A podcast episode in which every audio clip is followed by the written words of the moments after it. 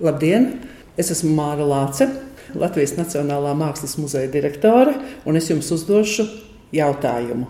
Vai tu zini, kā Latvijas Nacionālā Mākslas muzeja galvenā ēka tika būvēta kā Rīgas pilsētas mākslas muzejs un ir pirmā speciāla muzeja vajadzībām būvētā celtne Baltijā? Tagadējā Latvijas Nacionālā Mākslas muzeja galvenā ēka, kas šobrīd atrodas Jaņa Rozentāla laukumā viens, tiek uzskatīta par vienu no iespaidīgākajām eh, būvēm Rīgas bulvāra ansamblī. 19. gadsimtā Rīgā tika uzceltas virkne sabiedriskās ēkas, bet jāsaka, kā ir pilsētas tēvi. Ļoti ilgi nebija tikuši līdz mākslas muzeja idejas realizācijai, kura jau virmoja gaisā ik pa brīdim. 1874. gadā tika sarīkots starptautisks projektu konkurss muzeja ēkas būvniecībai. Bija uzvarētājs, tomēr finanšu līdzekļu trūkuma dēļ projekts netika realizēts. Un tikai 1895. gadā Rīgas doma no jauna aktualizēja ideju par mākslas muzeja būvniecību Rīgā.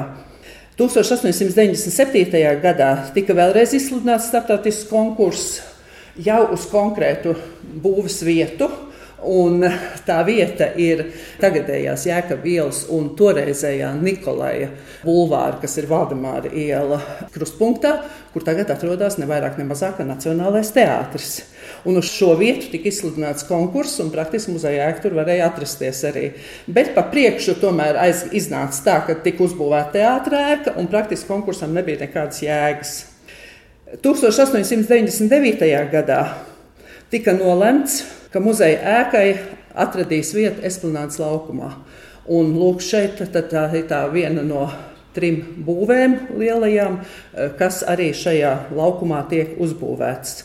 Un tiek aicināts vācu tautības arhitekts Vilkāns Neimans izstrādāt gan būvniecības programmu, gan projekta skices.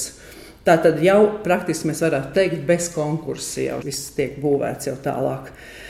Celtniecība sākās 1903. gada 10. maijā, bet muzeja svinīgi atklāja 1905. gada 14. septembrī. Un jāsaka, ir ļoti īsā laikā tika uzbūvēta šī muzeja ēka, un mums arī jāatcerās, ka pa vidu vēl ir 1905. gada revolūcijas notikumi arī. Galvenos būvdarbus izpildīja latviešu mūrnieku meistara Neburga būvuzņēmums. Un Blakus vēl citiem ļoti daudziem uzņēmējiem, kas šeit strādāja. Īpaši ir jāatzīmē arī tēlnieka Augusta Folca uzņēmums, kurš izgatavoja ārējo kāpņu granītu pakāpienus, balustrādus un obeliskus, kā arī betona lējumā veidoto skulptūrālo grupu fasādes centrālā rizalīta frontonā. Uzņēmums veic arī iekšējos apmetumu darbus, izveidojot grazno vestibilu arhitektonisko apdari un ar ļoti daudzajām detaļām. Un šeit ir jāatzīmē fakts, ka muzeja ēka kļuva par pirmo speciālu mākslas muzeja vajadzībām būvēto celtni Baltijā, un šādā statusā tā saglabājās ļoti ilgi. Bet, kā vienmēr, sabiedrības viedokļi bija ļoti dažādi pēc ēkas uzbūvēšanas, un ne visi atzinīgi vērtēja muzeja būvi.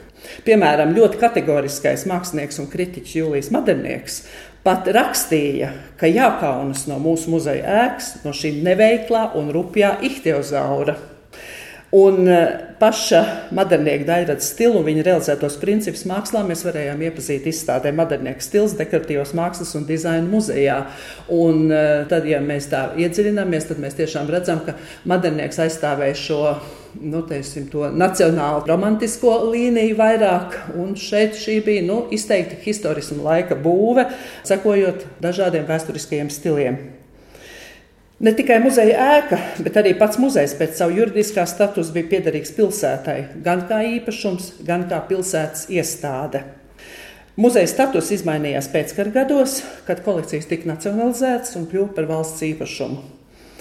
1999. gadā Rīgas pilsēta atjaunoja savas likumīgās tiesības uz muzeja ēku, Savukārt muzejs pēc sava satura un juridiskās piedarības ir valsts tiešās pārvaldes iestāde 2005. gadā iegūstot Latvijas Nacionālā mākslas muzeja vārdu.